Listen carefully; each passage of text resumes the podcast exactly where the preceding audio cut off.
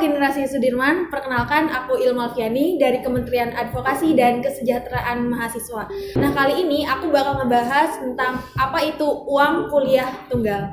Nah, mungkin dari teman-teman masih ada yang belum mengerti uh, apa itu UKT, bagaimana cara perhitungannya, kenapa UKT si A dan si B itu bisa berbeda, dan juga mungkin masih ada yang belum mengerti bagaimana sih mekanisme dan persyaratan untuk penyesuaian uang kuliah tunggal. Maka dari itu, tonton terus videonya sampai selesai.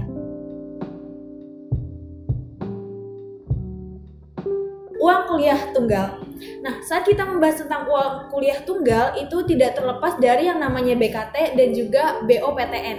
Di mana BKT adalah uh, keseluruhan biaya operasional yang berkaitan dengan proses pembelajaran selama satu semester. Sedangkan BOPTN uh, adalah bantuan uh, dari pemerintah uh, untuk perguruan tinggi negeri untuk membiayai kekurangan dari uh, biaya operasional tersebut gitu.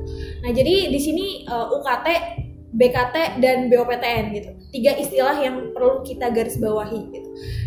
Kalau BKT itu biaya keseluruhan, nah UKT ini nih beda dengan uh, BKT gitu. Kalau UKT itu adalah sebagian dari biaya operasional yang ditanggungkan kepada mahasiswa berdasarkan kemampuan ekonomi dari mahasiswa tersebut atau orang tuanya ataupun pihak lain yang membiayainya. Jadi di sini kalau BKT itu biaya keseluruhan, uang kuliah itu biaya sebagian dari BKT, kalau BOPTN itu adalah e, bantuan dari perguruan tinggi negeri. Gitu. Sehingga UKT itu adalah BKT dikurangi dengan BOPTN. Jadi kalau misalnya nggak ada BOPTN nih gitu, mungkin yang kita bayarkan itu adalah si BKT itu. Nah, e, selain itu, mungkin teman-teman ada yang masih bingung ya, kenapa e, UKT si A dan si B itu bisa berbeda. Untuk mengetahui perbedaan level dan juga besaran UKT yang dibayarkan, itu bisa dilihat dari dua hal. Yang pertama adalah jurusan atau program studi mahasiswa tersebut. Yang kedua adalah pendapatan per kapitanya.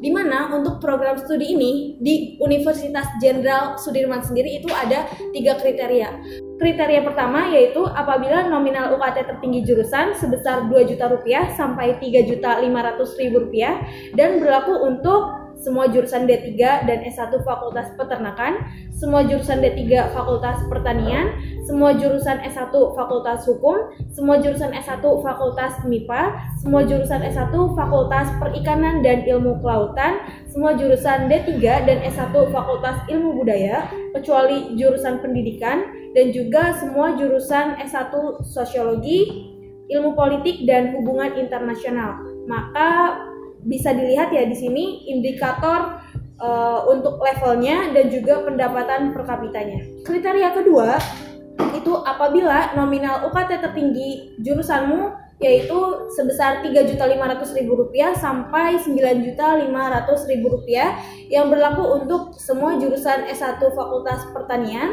semua jurusan S1 Fakultas Teknik, semua jurusan S1 Fakultas Ilmu-Ilmu Kesehatan, semua jurusan D3 dan S1 Fakultas Biologi, semua jurusan D3 dan S1 Fakultas Ekonomi dan Bisnis kecuali Pendidikan Ekonomi, jurusan S1 Ilmu Komunikasi dan Administrasi Negara, dari FISIP, jurusan S1 Pendidikan Bahasa Indonesia dan Bahasa Inggris uh, dari FIB, maka indikator pendapatan uh, per kapita dan juga levelnya adalah seperti di bawah ini. Kriteria terakhir yaitu kriteria yang ketiga, apabila nominal UKT tertinggi jurusanmu sebesar 10 juta sampai dengan 17 juta 500 ribu rupiah, yang mana berlaku untuk semua jurusan S1 Fakultas Kedokteran. Maka indikator pendapatan per kapita dan levelnya adalah sebagai di bawah ini. Bisa dilihat ya dari ketiga kriteria tersebut memiliki pendapatan per kapita yang berbeda-beda. Nah, mungkin teman-teman di sini ada yang bingung, apa itu pendapatan per kapita? Nah, jadi pendapatan per kapita ini adalah uh, nilai yang akan menentukan kira-kira teman-teman ini masuk ke level berapa UKT-nya kayak gitu. Cara perhitungannya adalah dengan uh, gaji kotor orang tua dibagi dengan uh, jumlah anggota keluarga yang tercantum di kartu keluarga. Nah, jadi dari situ bisa dilihat pendapatan per kapita keluarga kalian berapa, lalu dicocokkan dengan kriteria uh, jurusan kalian. Nah, untuk contohnya yaitu bisa dilihat misal Habib adalah uh, siswa yang lolos SNMPTN jurusan Kimia FMIPA Unsud dengan pendapatan uh, orang tua sebesar 10 juta rupiah dan juga anggota keluarga sebanyak empat orang. Dari situ bisa dihitung untuk uh, dari situ bisa dihitung untuk pendapatan per kapitanya adalah sebesar 10 juta rupiah dibagi 4 nah, dan menghasilkan pendapatan per kapita di atas 700 ribu rupiah yang artinya uh, Habib akan masuk UKT di level 7 FMIPA Unsud sebesar 3.500.000 rupiah. Nah, kalau untuk UKT kamu hitung sendiri ya. Nah, info yang terakhir yaitu info penyesuaian uang kuliah tunggal.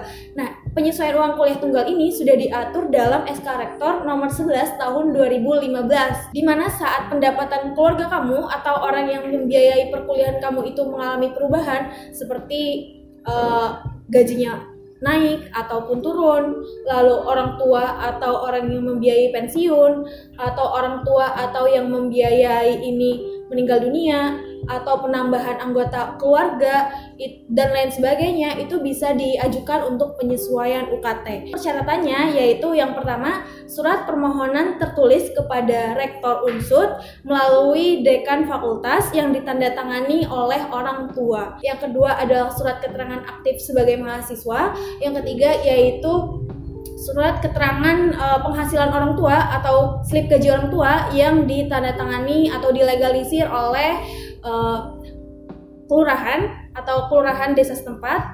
Yang keempat yaitu uh, fotokopi KTP orang tua dan juga fotokopi kartu keluarga. Yang kelima itu uh, ada uh, surat keterangan sedang tidak menerima beasiswa lain dan juga uh, fotokopi bukti-bukti yang bisa mendukung kayak gitu.